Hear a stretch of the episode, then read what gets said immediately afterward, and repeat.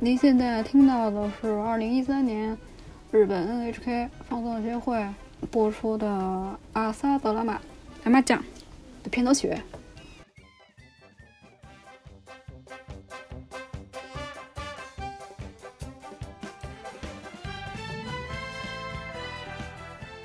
啊，因为我们上一期，因为我们上上期讲到了台湾旅行的前篇。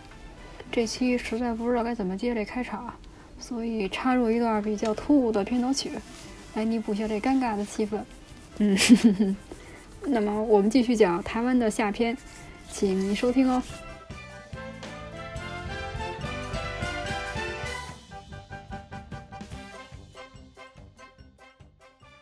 这里是该沟 FM 鸡同鸭鹅讲，我是企鹅君，以及这次回去录制的帆帆同学，欢迎。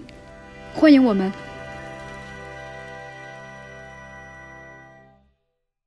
所以我们最精彩的一站应该就是台北。在台北的话，其实可以逛的地方非常的多。首先，我觉得从捷运站开始非常方便嘛，所以捷运其实可以带我们大家去台北的很多呃有意思的景点。然后买张悠游卡走遍台北。哎，对对对，悠游卡这个东西在台北太方便了，就基本上你没有的话。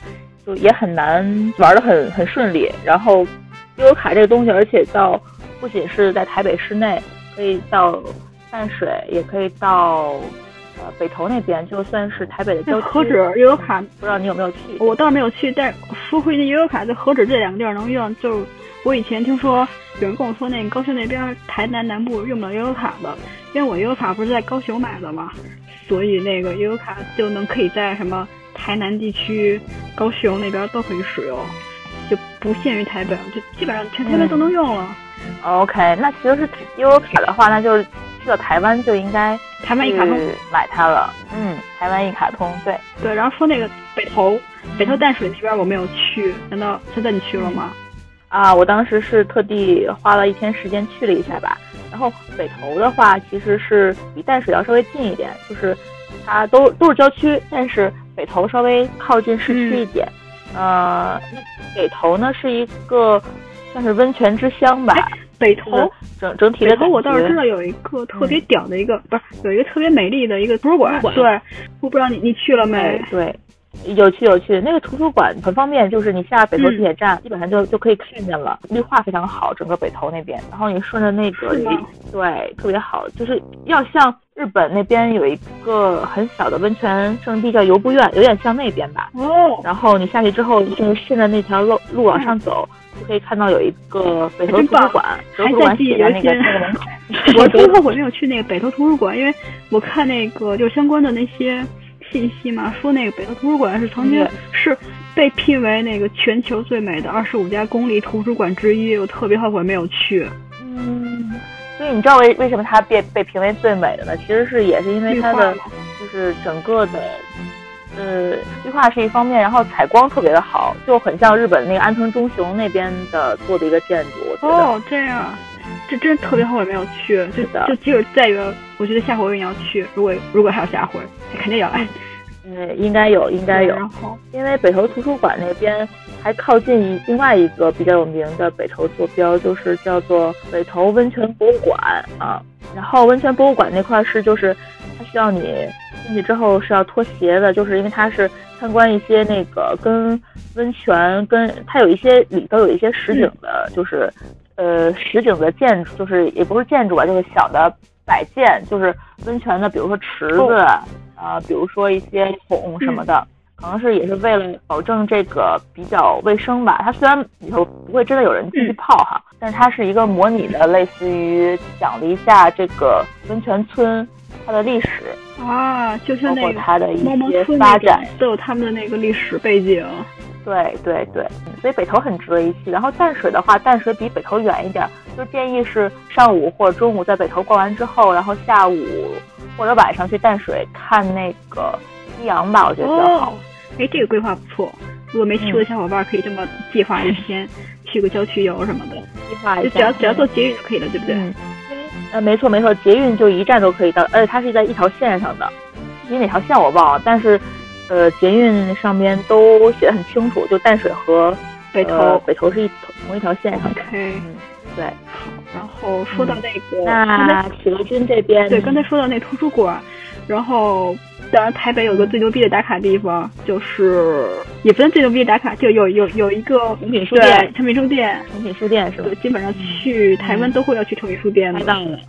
对对，现在现在有去吗？诚品书店，我不知道你去的是，我去了，我不知道企鹅你去的是哪一家？你去的是，我有点忘了，是我去的是那个二十四小时的那家店。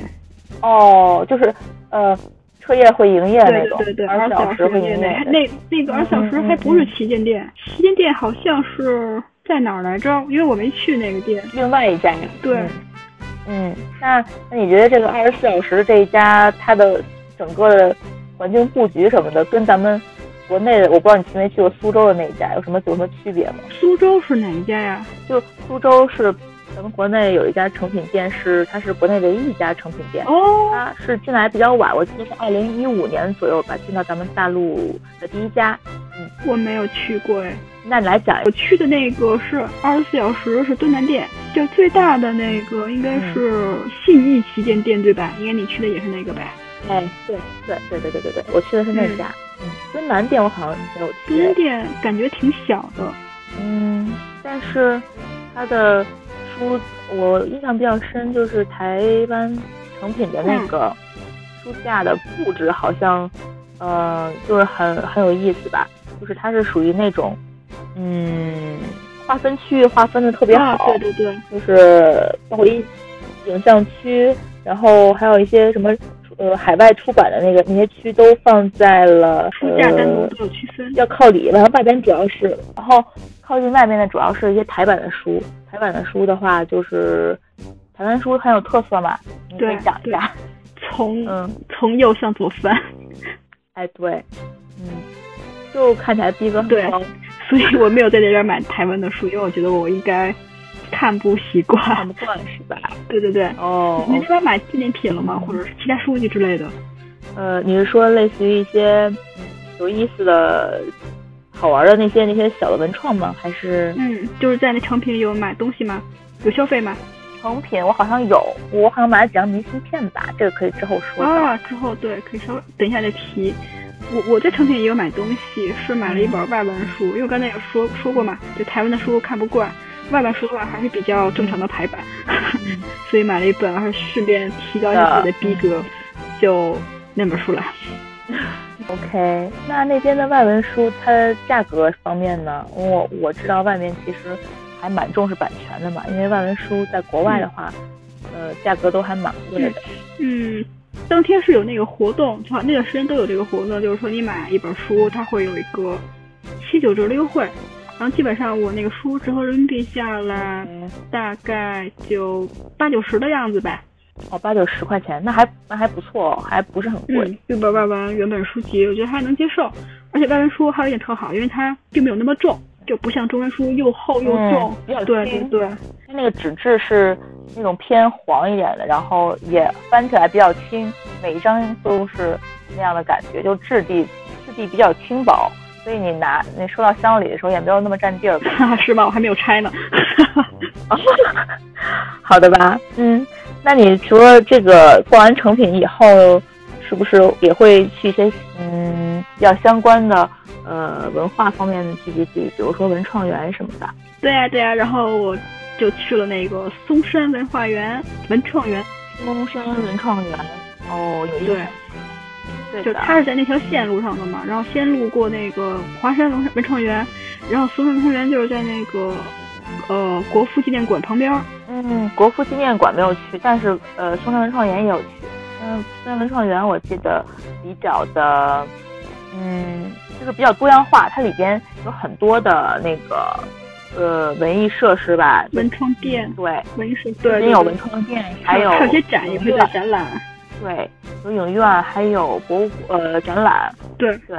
我觉得比较有意思一点就是，呃，台湾人民他们特别的注重，就是在三问在三问里面，其实你都可以看到很多那种小的，呃，企鹅君有注意到吗？就是那种小的卖票的一些小机器，然后他们是可以选，就是在文创园里也好，或者是你在一些 live house 也好，可以去买到一些展览的或者电影票，这样就很方便。对，它不在我们像咱们国内用猫眼啊，或者是呃格瓦拉什么的这种买，他们都在 Seven 里头买。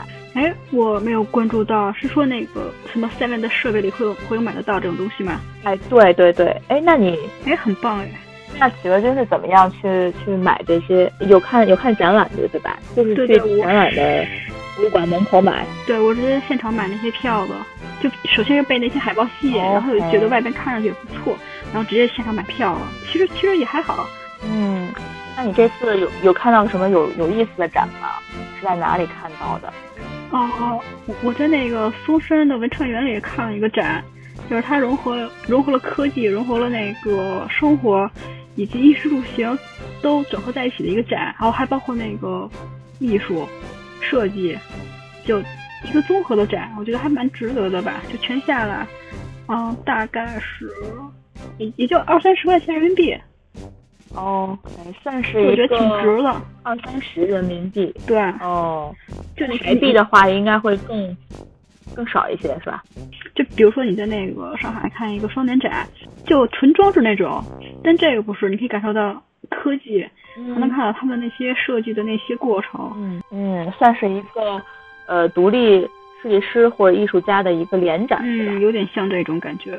我觉得台湾的话，那边就是独立设计师的产品会被很好的去宣传，以及呃大家都会很很去支持嘛。对，所以说我觉得他们开展还是挺有必要的。是，这像我，我这次推荐我朋友，如果去台湾，就规划一个看展的行程。是我，我也同意，特别是台北或或者是高雄这些大城市，对他们来说，可以看的东西很多，一次可能都看不完。一次真的看不够，我觉得可以专门跑一个看展的行程。就像三三，你又特别喜欢这种博物馆类的，对吧？对对对，博物馆的话其实很多。然后我我们之前不是还谈到那个 MOCA 吗？对对对，MOCA，这个你想聊一下吗？MOCA，我有去 MOCA，就那个呃台北的当代博物馆，当代艺术博物馆。然后他他这会儿刚好展出一个就是结合那种像封建迷信一样的东西，妖魔鬼怪、神圣那些东西，然后融合在一起，有一个看上去很一个灵异灵异有点过了就。就挺封建的那种感觉，让你看上去觉得这种展应该不会在国内去展出，是一个比较比较怎怎么说？那展比较什么？比较玄，比较玄幻啊？嗯，一玄学嘛，玄学也不太对啊。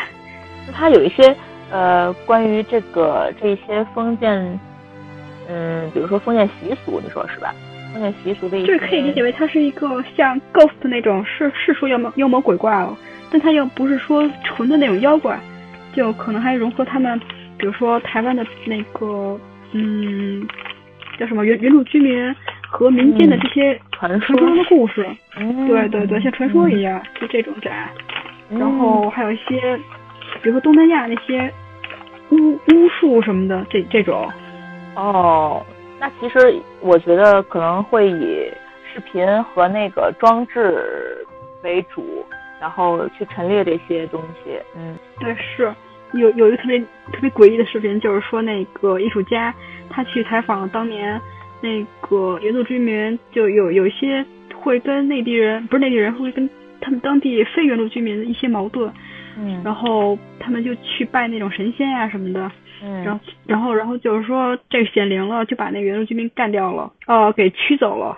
OK。一个全程是一个视频的形式展示，然后那些视频拍拍摄的手段就是全部都是用那种反向的那种那种手段，呃，那种艺术。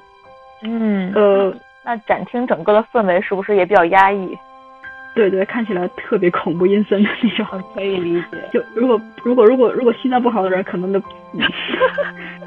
OK OK，我我觉得，嗯，我之前因为有一个印象很深的博物馆，呃，是就刚刚跟你说的是在淡水那边，淡水那边有一个很有趣的展览馆，叫呃叫苏琪博物馆，其实也叫不信有你，它有一个别称哈。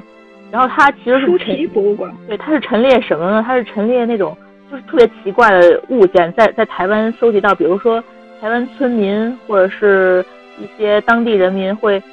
去野外发现了一些呃特别有趣的生物，比如说像什么四脚鸡，或者是那种双头乌龟啊之类的。对，然后或者是或者是一些什么无头蛇，呃，更可怕的还有那种很大的兔子，就是大概有二三十斤的那种。对，有二三十斤的那种兔子，嗯，然后它们可能就是会，因为这种长长得比较奇怪的生物，它们可能本身寿命就会比较短，然后也许是发现了以后就就不久就就就死去了，然后或者是他们给做成了标本，就放来了这家博物馆。所以其实进去之后，就是大家会有一个提示，就是说，嗯，如果心脏不好的人，就像你刚刚说，心脏不好的人最好还是不要进去，对，因为视觉冲击很大。呵，对，那会不会觉得这种这种博物馆怎么说呢？就有没有人觉得这是一些特意去营造这种那种现象，或或者是说什么有有种科学手段或怎么样的？就因为因为我听上去感觉会，哎，这是不是用辐辐射造造成的？或者说，嗯，我当时也我当时也会也也会想基因突变的一些失败的产物，但是就是。我觉得台湾人他会他会展这些东西，可能也是说明就是他们还接受一些多样化的东西吧。就是可能会首先第一比较猎奇，然后也有一些好奇心，所以把这些东西去留留下来，然后给给大家看。当然，我觉得可能也有一定的商业，就是怎么说呢，噱头成分。啊，了解。哎，那他这个展是常设展吗？还是说对是常设展？临时？哦，不是特展。也是这些这些东西也也没法。就常年放在那儿吧，对，它可能会，而且还会随时更新一些新的奇奇怪怪的东西，东一些玩意儿就放在那边。去哪收集这么多奇奇怪怪的东西？这么变态？我觉得台湾人也是这点也是挺奇怪的，嗯。是吗？哎，那他这票贵吗？门票？说的我都好奇了，我就下回把这暂时加进去。门票其实还还还可以，不太贵，大概也是人民币二三十块钱。哦，那还成。嗯，对对。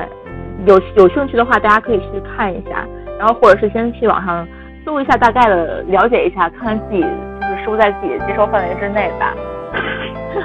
心脏或者心智不健全的，还是绕绕道绕道而行。绕道而行，对。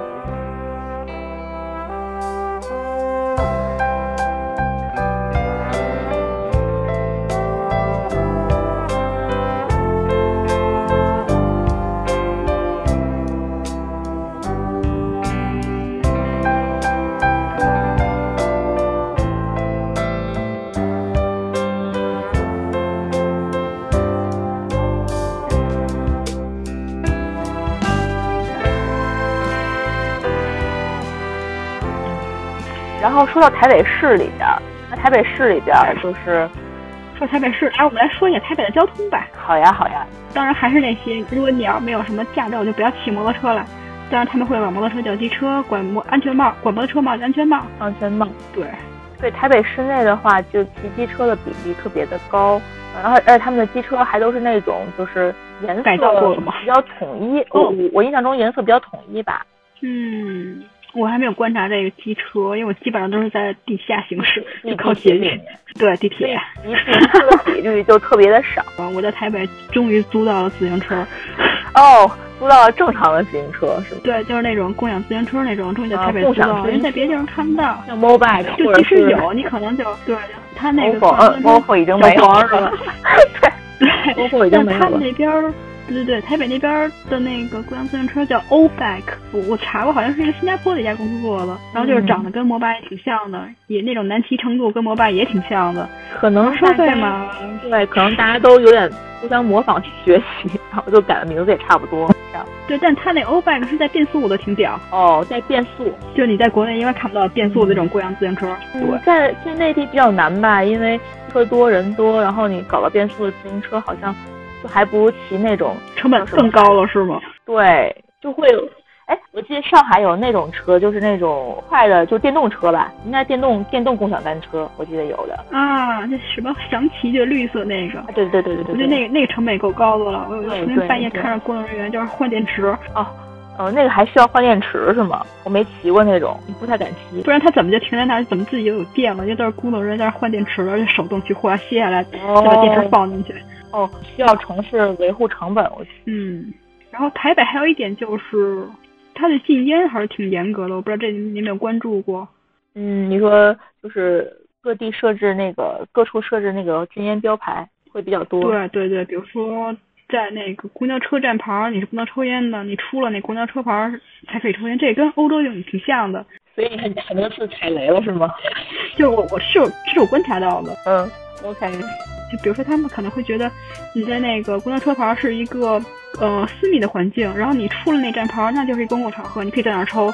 如果你要在那车站站牌那抽烟，那可能就会有一定的风险会被罚。嗯，所以就是请烟们烟民们注意，不要在那个地方抽烟就好了。OK，对。再一个就是你的旅店也会有一定的那些吸烟的场所，然后请大家注意就好。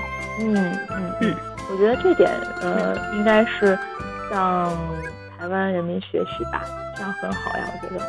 我又发现一点，就是我不知道你有没有注意到，就是台湾台湾的那个垃圾桶巨少啊，是很少。对对对，这个是很少。对，街头看不到垃圾桶，所以说你从便利店啊，或者是超市啊出来，你随手吃了个什么东西，你发现很难有地方去扔它，去扔那个外包装。对。你就你就只能揣在兜里，或者塞到包里什么的。有印象，有印象，对，有印象。这个少，我觉得可能也是有，是不是有一定原因啊？就是可能他会怕怕你怕你不分类吗？对，一个是分类的原因，还有一个是统一他那个环卫工人去管理吧。可能他只在一些定呃特特定的点设置一些比较显著的。呃，这么一说，那个环卫工人也没怎么见过，对吧？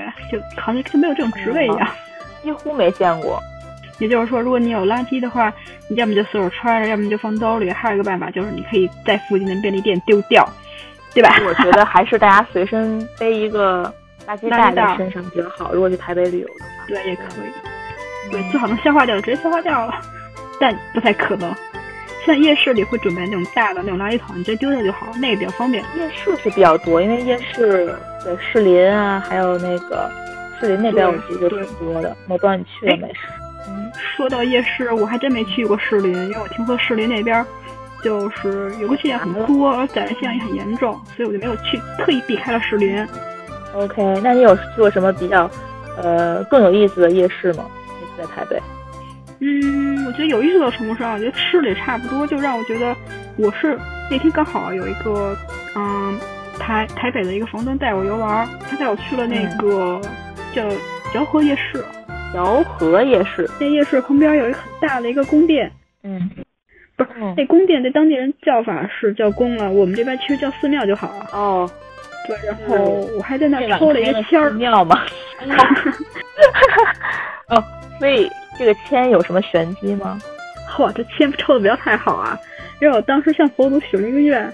就是就他们当地的习俗，就是说你向佛祖许愿嘛，然后先问他一个疑问句，那疑问句只是是只是用是或否来回答，然后你问了之后，你再丢他那个那个像两个花瓣一样的东西，它其实是硬的，然后你丢在地上，它有一前一后，如果它是正反，一正一反的话，那就证明你这个愿望能成。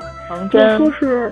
对，如果说你你丢的那个东西两面都是一样，比如说两个都是朝上或两个都朝下。那你这个就可能不太能能显灵了，然后我抽的那个，我抽的那个就特别牛逼的，就能成，开心的不得了。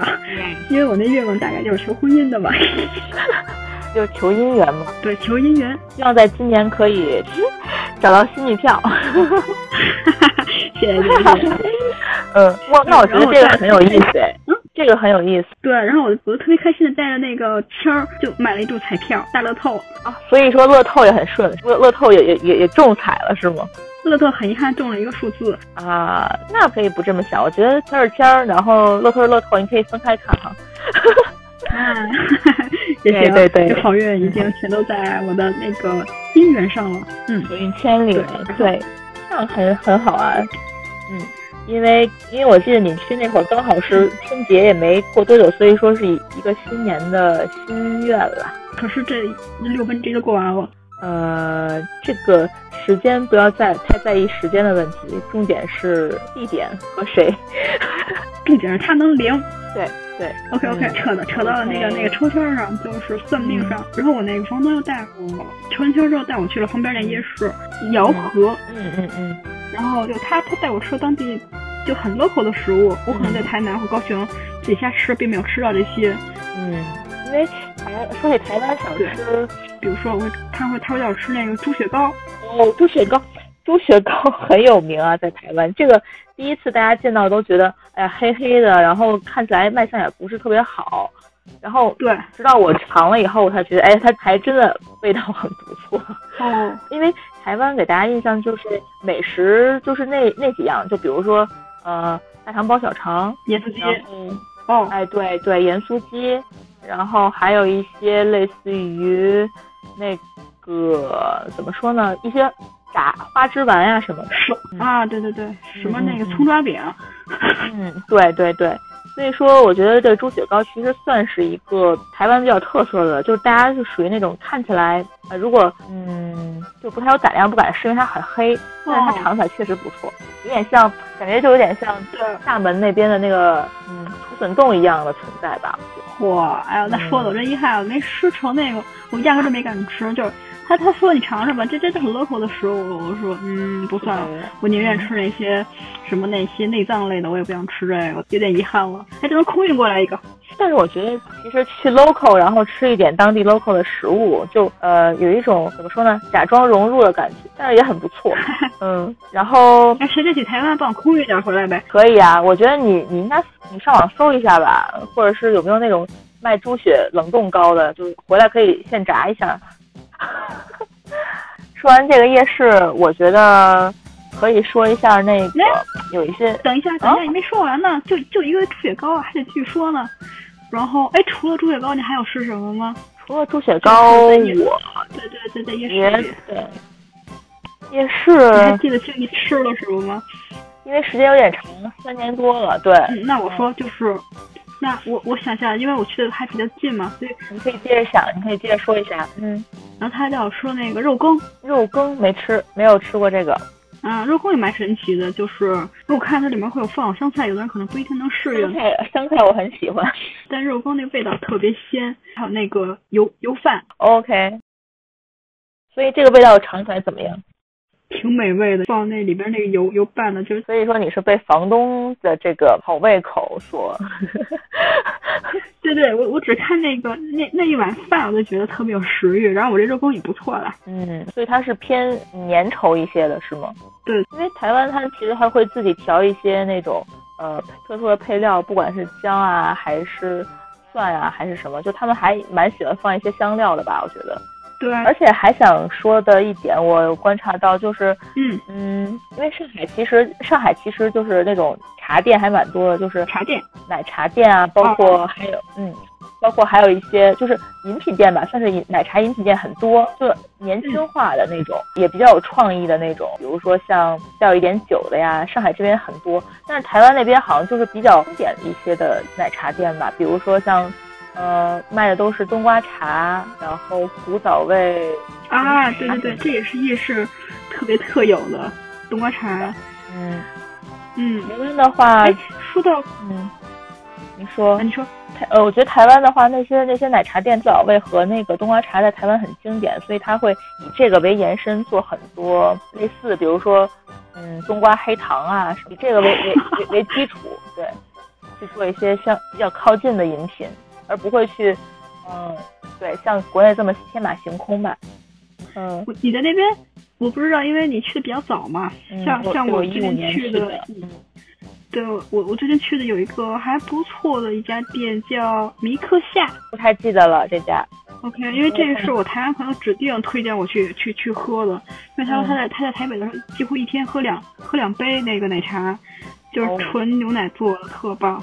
所以台湾人也特别对奶品特别爱，对对是，叫什么？呃，它的英文翻译叫 Milk Shop，然后翻译中文叫尼克夏。尼克夏，对对对对对。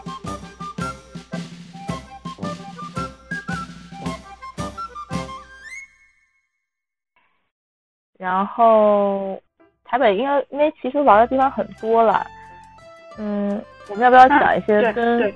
台湾就是同志内容相关的呢？哎，可以哎。那我这次去刚好有一天赶上了他们那个什么什么什么东西过审，就不详细说了。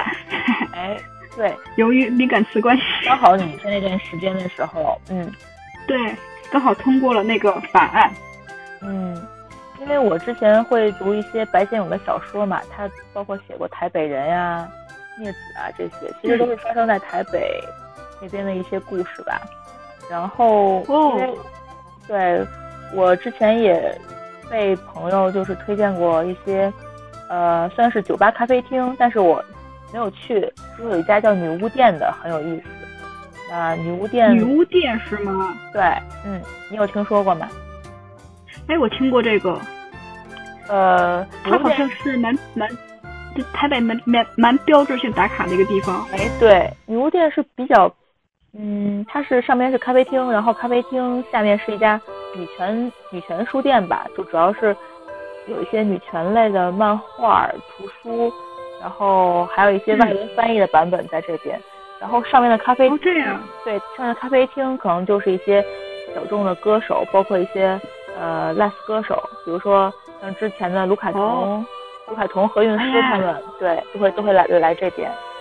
哦，如果说我不听你这么介绍，我以为女女巫店是那种什么星座占卜的那种。哦，会会有一点那种，就是可能偏怎么说呢？偏有点那种，呃，对，就是也挺算是一个有一点儿呃小神秘吧，就是上面可能它的饮品会比较神秘，就是。那个，就起名字名字不提了，大家有大家有有兴趣可以去搜一下女巫店，对，因为 嗯有点有点污，没事儿，我们的台的尿性就是就就就这种开火车的节奏，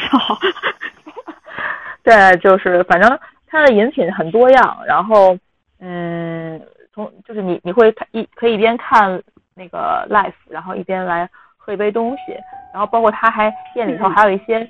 展示的就是好像是说，如果呃展示的什么？女顾客女顾客愿意把自己的内衣脱在那儿的话，貌似还有一些优惠活动什么的。对。哎，那如果在那脱掉了内衣，他怎么他怎么就不穿着回去是吧？好像好像是这样吧。所以说，女巫店有很多女顾客的内衣展示台，类似于那种，就是你就看可以看到大大小小的。这个具体因为我没有去嘛，所以我我也我也不好评价。但是。我是看到一些攻略是这样写，对，嗯，啊，这样，你说那说内衣，我我忽然插一句，就上海有一家 Les 吧叫 Roxy，我不知道你去过没？我知道，我知道，但没没没去。我我记得有他们家那吧台，他们家那吧台上弄的全都是内衣挂在上面，特别壮观。哦，那我觉得女巫店好像有点像哈，跟 Roxy 这这方面。哦，这样。嗯对，所以说也是两两岸联盟吗？两岸联盟。这样，好啊，那下回你来上海，带你去 Roxy 晃一下。OK，好啊，好啊，因为我还我知道 Roxy 很有名，在上海，嗯嗯，所以我觉得女巫店，如果大家有有兴趣的话，有兴趣的拉拉朋友可以去女巫店转一圈。这两可以去看一下，你把内裤丢那也可以了。然后提前包里先备一个备用的，是吧？嗯，我我知道有还有一家叫晶晶书库的那个书店吧，哦，也是有点少。你这次有去吗？晶晶书库？我这次去了，就你作为一个什么什么，你作为酷儿嘛，你你你要去一个晶晶书库，好呀，正好正好他也是在我那想去的那个 list 之一，然后我就去了晶晶书库，还蛮好找的，它离那个旁边有一个夜市叫。它离旁边那个师大以及公馆路的那边很近，就就捷运可以坐到那边，坐师大那一站或怎么样的，或或者说对那附近，然后你就能看着地图找到那金天书库。然后金天书库据说是开了非常久的一家，就是它有一些彩虹的标志，就比容易找吗？这家这家书店非常容易找，那那个就门口就插了那彩虹旗，还挺挺明显的，而且旁旁边有一些那个酒吧。也是那种 LGBT 性质，都会都会有那个彩虹旗的标志。然后金金书库是一九九九年元旦开设的一家，就它是算华人地区第一家同志书店。嗯，华人地区，哦，那很久，确实很久了。嗯，马上就要二十年了嘛，没算错啊。嗯，嗯，怎么样？那那那那个，嗯，晶晶书库那边它有什么？就是比如说一些。呃，聚会吗？聚会性质多，还是说它是沙龙性质的呀？嗯，据我所了解，就是说他算是那个台湾同志权益抗争活动，就他一直算是一个沟通的平台，算是台湾同志与社会沟通的一个重要平台。哦，所以说我我觉得可能会在里面，呃呃，包括有一些讲座，或者是呃一些沙龙活动交流的书友会，类似于这样的情况，对吧？对，他他店里虽然它叫吉林书库，但他店里不只是贩卖那些书籍，还有一些影像呀、衣服呀、服饰、杂志，还有情趣用品等各种都有贩卖，一个比较综合的文化体了。对对对对对，对也也也像你说的那种，每个月确实也会办一些活动，比如说什么签书会呀、座谈会、摄影会和那个影友聚会等等。嗯嗯嗯嗯嗯，很多样化，有点像，嗯，有点像上海的那个衡山衡山衡山合集，衡山合集，对，嗯，那种感觉。对对。因为台湾，反正我是觉得，呃，同志们都还比较的。呃，明显，而且也比较的不去避讳自己的身份，我觉得这一点挺好的。嗯，哎，对啊，说到那个活动，嗯，我觉得大家可以参加今年上海交流节，如果如果六月份来玩的话，就不是参与，不是参加，是来参与。六月份，对，每年都是，每年都是六月份，是的，对吧？嗯嗯，对。台湾那边应该是八九月份、十月份、九月、八九月，嗯，也有游行，对，之前也有。朋友在上海骄傲节那边，嗯，找到了找找到男票女票啊什么的，就还挺多的。我都我都当了两年志愿者了，还他妈单身呢。那你今年加油一下嘛！今年你今年已经求到好签了，对不对？对哦，对哦，对，好像会跟会跟往年不太一样。嗯，其实我参加的第一年上海交流节也是我认识前任的那一年，就他也也有也有参与。就帮忙那个交集的志愿者。好了好了，不提他，这段我我自己处理。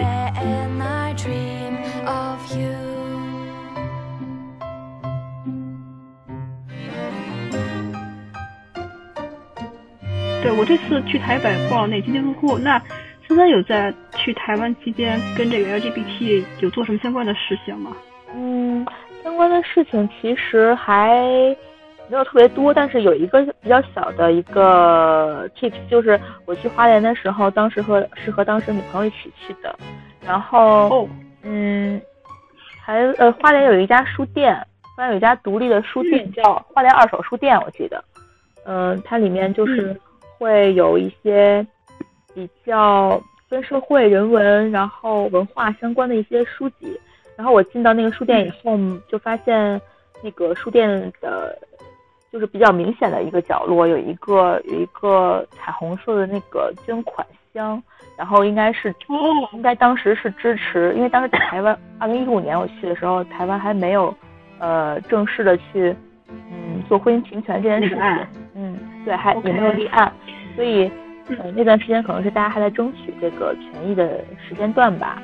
然后我当时会在那个箱子里面就捐了钱，我我们俩都捐了，所以我觉得可能。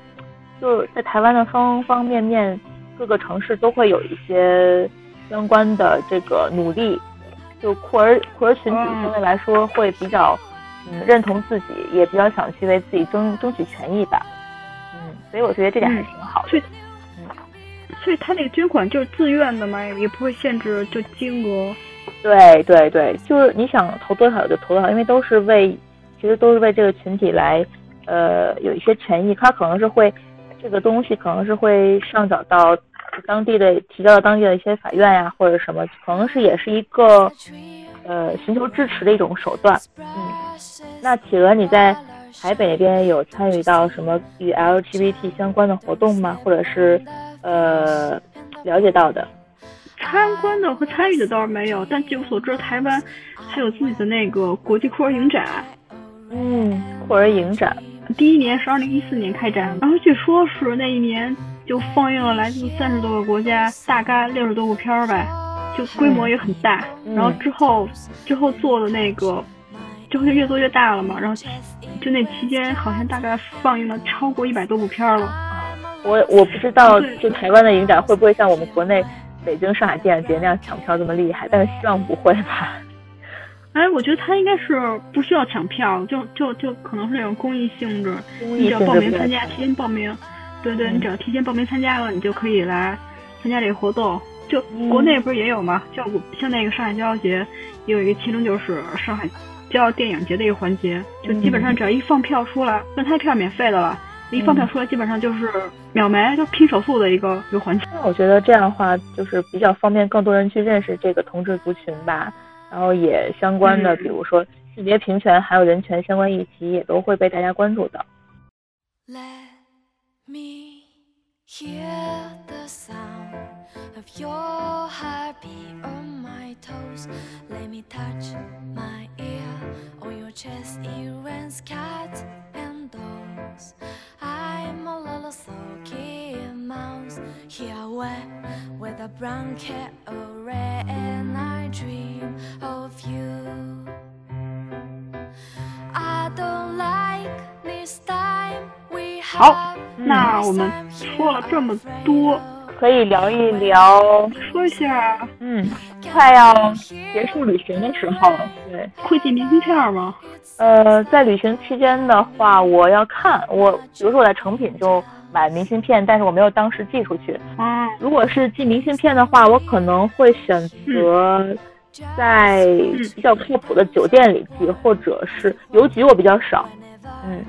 邮局的话，哦，我觉得还要去找，就比较麻烦。就你会让，会让那个旅店或者酒店来代寄是吗？对，所以就会出现一些，就是我我寄出去了，但是人家很长时间都没有收到这件事情，就就很崩溃。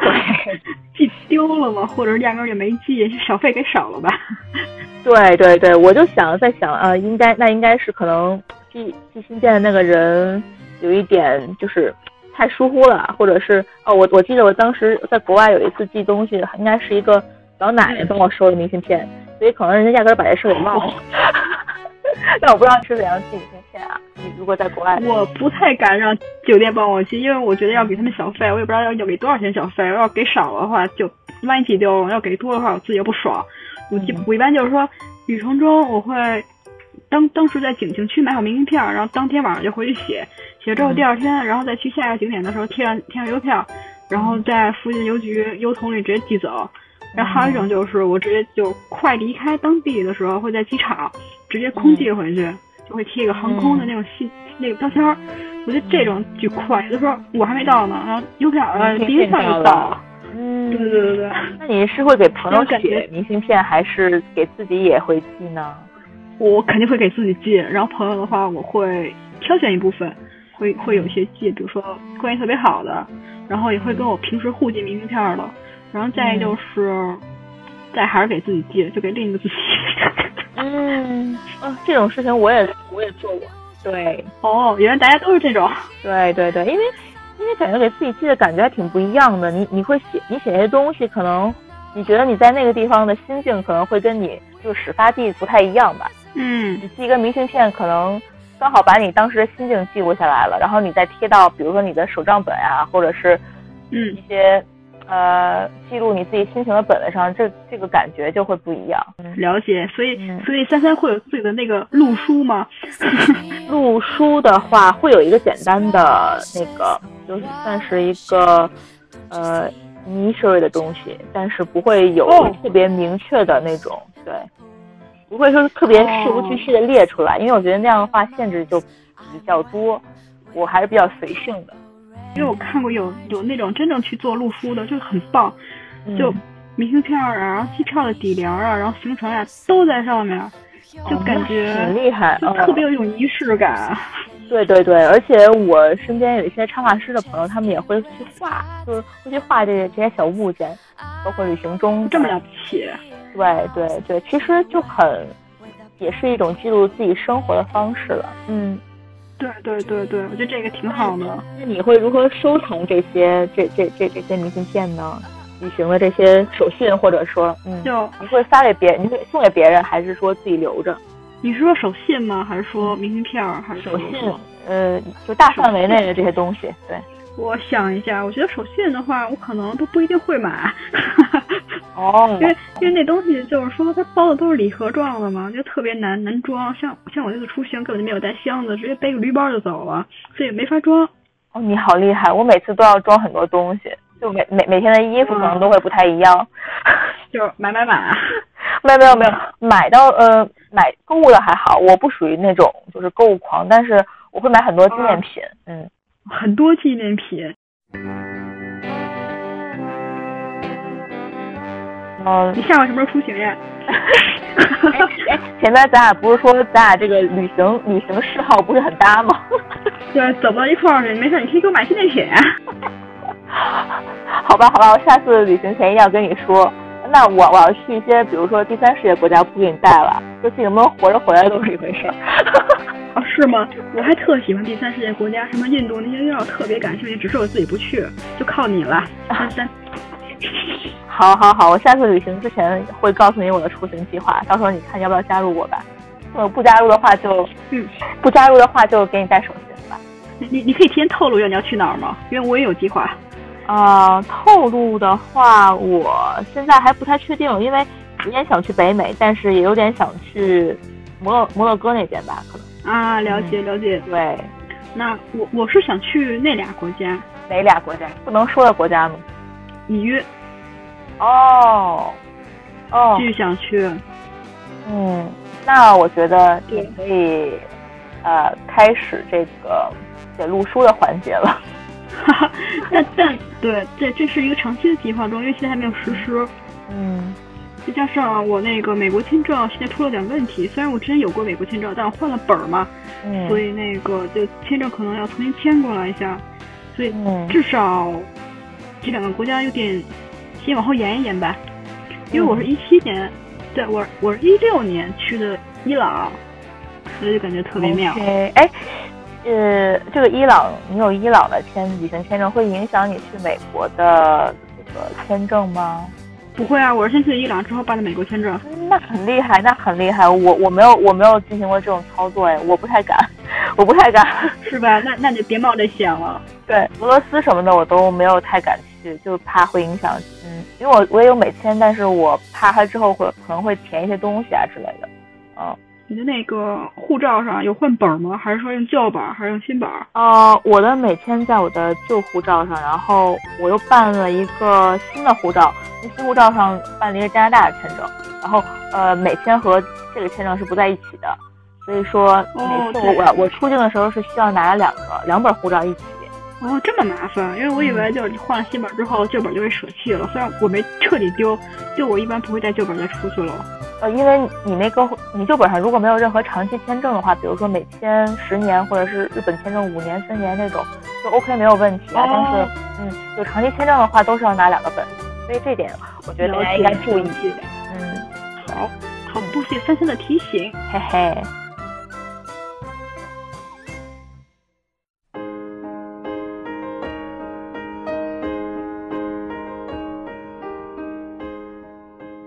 那我们这期旅行主题聊这么多关于旅行相关的，啊，从准备到行中，到旅行中又到了结束，基本上是一个很完整的流程了。对 对对，希望能够给到大家一点小小的建议吧，因为也是我们两个对台湾的一点印象，也是对台湾的一点美好的期待。以后我们还会再去的。是的，是的。那我们就先这期就先这样。好。那我们下期再见，再见，拜。拜，拜拜拜拜拜拜。拜。